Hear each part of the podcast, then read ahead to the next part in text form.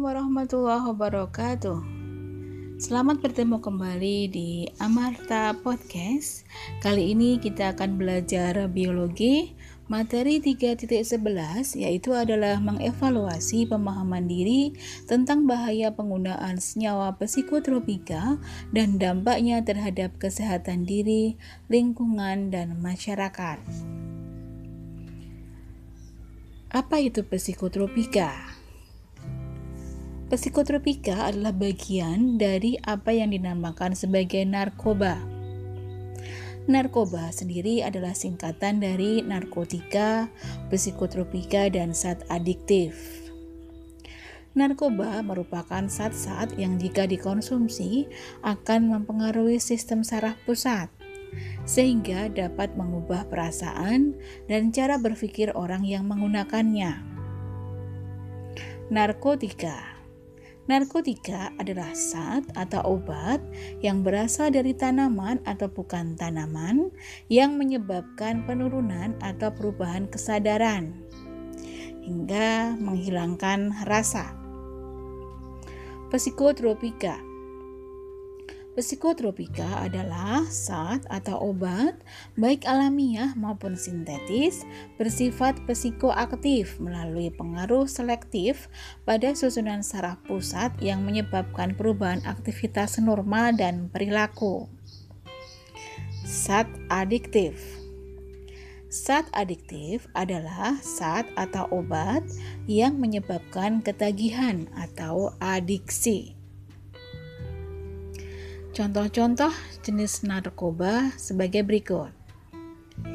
Heroin dikenal dengan nama putau atau disingkat PTW merupakan narkoba yang sangat cepat menimbulkan ketergantungan berupa serbuk putih dengan rasa pahit.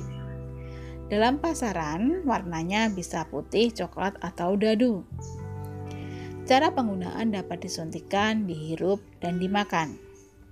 Ciri-ciri orang yang menggunakan heroin, gatal-gatal di kulit, terutama di hidung, rasa melayang-layang, malas mandi, penurunan kesadaran, suhu badan sedikit merendah, denyut nadi lambat, tekanan darah turun, pernafasan lebih lambat, gerakan usus melambat, pupil menyempit, mengantuk, sehingga dapat membuat kepala terangguk-angguk karena mengantuk.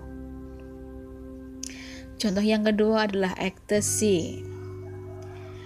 Biasa dikenal dengan Inex, ecstasy, Hugh drug, UP drug, Essence, Clarity, Butterfly, Black Heart. Itu semua adalah nama lain dari ecstasy.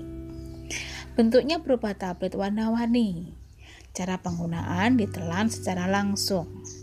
Ciri-ciri orang yang menggunakan ecstasy adalah tidak bisa diam atau hiperaktif, ingin menggoyangkan badan, mengikuti irama musik misalnya pada saat dugem, apatis, susah tidur, berbicara lancar, halusinasi, timbul percaya diri yang berlebihan, kerongkongan kering, dan rasa haus sehingga si pemakai ini akan mengkonsumsi air putih yang lebih banyak dari biasanya.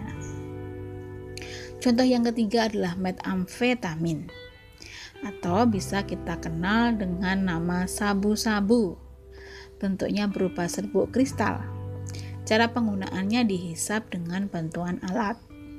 Ciri-ciri orang yang menggunakan metamfetamin atau sabu-sabu ini adalah euforia, itu kegembiraan yang berlebihan, apatis, rasa baik hati atau ramah tamah yang berlebihan, overacting gitu ya, hiperaktif, tidak bisa tidur, banyak bicara, rasa gembira dan waspada yang berlebihan, denyut jantungnya cepat, tekanan darahnya naik, berkeringat atau mungkin rasa dingin, gangguan daya nilai realita, pupil mata melebar.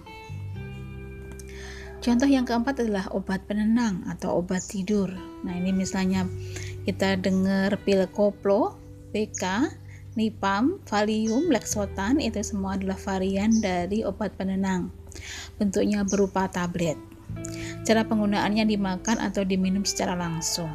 Nah, ciri-ciri orang yang menyalahgunakan obat penenang itu adalah rasa malas, mengantuk, gerakan badannya kurang terkoordinasi, sulit berkonsentrasi, dan berpikir, daya ingatnya menurun, hambatan terhadap dorongan seksual, perhatiannya menyempit, emosinya labil, sehingga timbul rasa permusuhan akibat uh, sensitif ya emosi tadi sehingga mengakibatkan pertengkaran.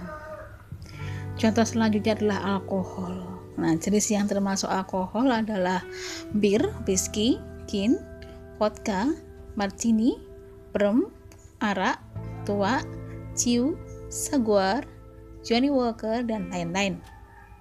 Cara penggunaannya diminum secara langsung. Kemudian contoh yang selanjutnya adalah ganja atau sering disebut sebagai marijuana. Ada juga yang menyebutnya gelek cimeng, budastik atau marijane berupa daun kering atau getah.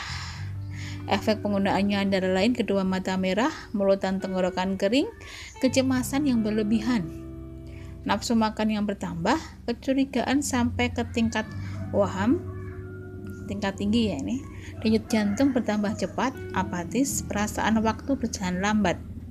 Cara penggunaan dihisap seperti merokok. Kemudian zat adiktif atau bahan adiktif lainnya yaitu adalah uh, lem bond, ya, lem, thinner, bensin, spiritus, jamur kotoran kerbau, kecubung atau jamur letong ya. Cara penggunaannya adalah dihirup dan ada pula yang dimakan. Ciri-ciri rayang keracunan karena pemakaian bahan adiktif antara lain rasa gembira, agresivitas, agresivitas, gangguan daya ingat, halusinogen, kekurangan zat asam sehingga kulit membiru, pusing, emosi yang tidak stabil dan sehingga gampang berkelahi karena sensitif karena emosi yang tidak stabil tadi. Nah, psikotropika berdasarkan daya adiktif itu ada empat golongan.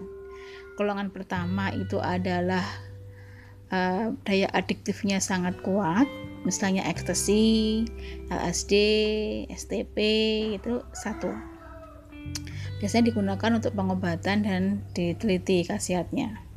Kemudian golongan dua itu saat ada daya adiktifnya kuat dan berguna untuk pengobatan dan penelitian. Amfetamin, metamfetamin, metaqualon itu golongan dua. Golongan tiga itu memiliki daya adiktif sedang berguna dalam pengobatan dan penelitian. Umiba, buprenursina, Flinitrasepam itu golongan 3 dengan golongan 4 adalah yang daya adiktifnya ringan digunakan untuk pengobatan dan penelitian nitrazepam, bekamogadon, dumolit, dan diazepam. Ya, golongan-golongan berdasarkan daya adiktif. Amfetamin yang dari termasuk golongan 2 itu biasanya juga kalau di obat flu gitu ada amfetamin ya obat flu misalkan kamu lihat uh, labelnya itu ada vitaminnya termasuk golongan 2 yang ini digunakan untuk pengobatan pengobatan flu Oke, selanjutnya adalah penggolongan psikotropika berdasarkan pengaruh penggunaan terhadap susunan saraf pusat manusia. Pertama depresan. Depresan itu zat atau obat yang berfungsi mengurangi aktivitas fungsional tubuh Jenis ini akan membuat pemakai merasa tenang bahkan tertidur atau tak sadarkan diri. Misalkan opioida, opium, putau, morfin, heroin, kodein. Itu ya, itu mengurangi aktivitas fungsional.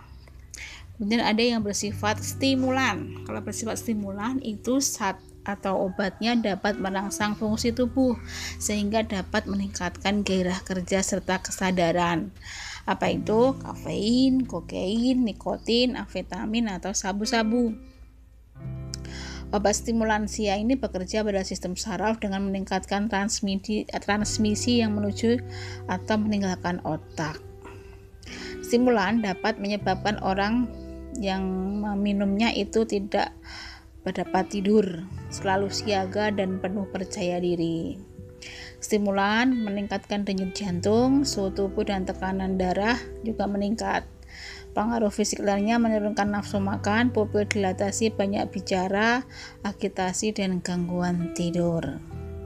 Pemberian stimulan yang berlebihan dapat menyebabkan kegelisahan, panik, sakit kepala, kejang perut, agresif, dan paranoid. Hal tersebut juga dapat menghambat kerja obat depresan seperti alkohol sehingga sangat menyulitkan penggunaan obat tersebut. Jadi biasanya kalau sudah terbiasa meminum stimulan nanti ada obat-obat yang uh, diberikan itu tidak mempan. Nah, berdasarkan tingkat stimulansianya ada stimulansia sedang dan ada stimulansia kuat. Stimulansia sedang itu kafein yang ada di kopi, teh, minuman cola, epedrin yang digunakan dalam pengobatan bronkitis atau asma, nikotin dalam tembakau, selain lagi perokok berat yang digunakan saat rileks. Jadi kayak kafein, epedrin, nikotin itu stimulansia sedang. Stimulansia kuat, amfetamin tadi yang uh, di obat flu tadi ya termasuk amfetamin ini juga sabu tadi termasuk amfetamin. Kokain yang ada di kok atau crack ecstasy tablet diet misalnya duromin nah itu adalah stimulan. Sekarang yang ketiga adalah halusinogen yang menimbulkan efek halusinasi. Ganja jamur tadi jamur teletong tadi LSD dan ini ber apa itu halusinogen? Obat halusinogen berpengaruh pada persepsi bagi penggunanya. Orang yang mengkonsumsi obat tersebut akan menjadi orang yang sering berhalusinasi. Misalnya mereka mendengar atau merasakan sesuatu yang ternyata tidak ada. Pengaruhnya bermacam-macam. Uh, bagi satu orang dan lainnya itu berbeda-beda sangat bervariasi tergantung pengalaman masing-masing ini berarti uh, apa akibatnya nanti akan mengakibatkan aktivitas meningkat banyak bicara atau tertawa emosional euforia ya rasa parno dan sebagainya. Kerja lambung dan apa kejang lambung dan rasa mual. Ya oke okay, itu halusinogen nah bagaimana pengaruhnya terhadap sistem saraf pusat? Jadi untuk uh, penggunaan obat-obatan ini kan kita ingat sistem saraf pusat itu adalah uh, yang jaringan yang tersusun atas sel-sel saraf ya. Yang bersambung-sambungan yang yang ber uh, berjalan dari ujung saraf satu ke ujung saraf lainnya yang kemudian nanti akan diterima di otak gitu kan. Nah proses perjalanan impuls berlangsung satu arah dari bagian yang dinamakan sebagai membran prasinapsis menuju pasca uh, menuju membran pasca sinapsis. Nah, membran prasinapsis berada pada ujung akson dari satu sel saraf berfungsi menghantarkan impuls. Nah, pergerakan impuls dari para sinapsis dan pasca sinapsis melibatkan apa yang disebut sebagai neurotransmitter. Apa itu neurotransmitter? Neurotransmitter adalah menggunakan merupakan zat kimia yang dilepaskan untuk menghantarkan impuls yang dilepaskan dari ujung akson dan masuk ke celah sinapsis. Nah, ini ada berbagai macam, ada yang kelas namanya asetilkolin, ada yang namanya monoamin, ada yang kelas asam amino, ada peptida dan sebagainya. Jadi ada empat jenis neurotransmitter. Nah, kemudian uh, asetilkolin itu merupakan neurotransmitter yang diproduksi dalam sistem saraf simpatik. Sedangkan yang lainnya yang berbagai macam tadi ada asam amino, ada monoamin dan peptida tadi itu dihasilkan oleh membran parasinapsis dan disimpan dalam vesikel. Rangsangan dari dalam maupun luar selalu diproses oleh neurotransmitter, termasuk jenis-jenis narkoba yang digunakan. Nah, penggunaan obat-obatan ini memiliki pengaruh terhadap kerja sistem saraf sehingga tubuh pemakai kekurangan neurotransmitter yang terdapat di otak dan berperan penting dalam merambatnya impuls saraf ke saraf lainnya.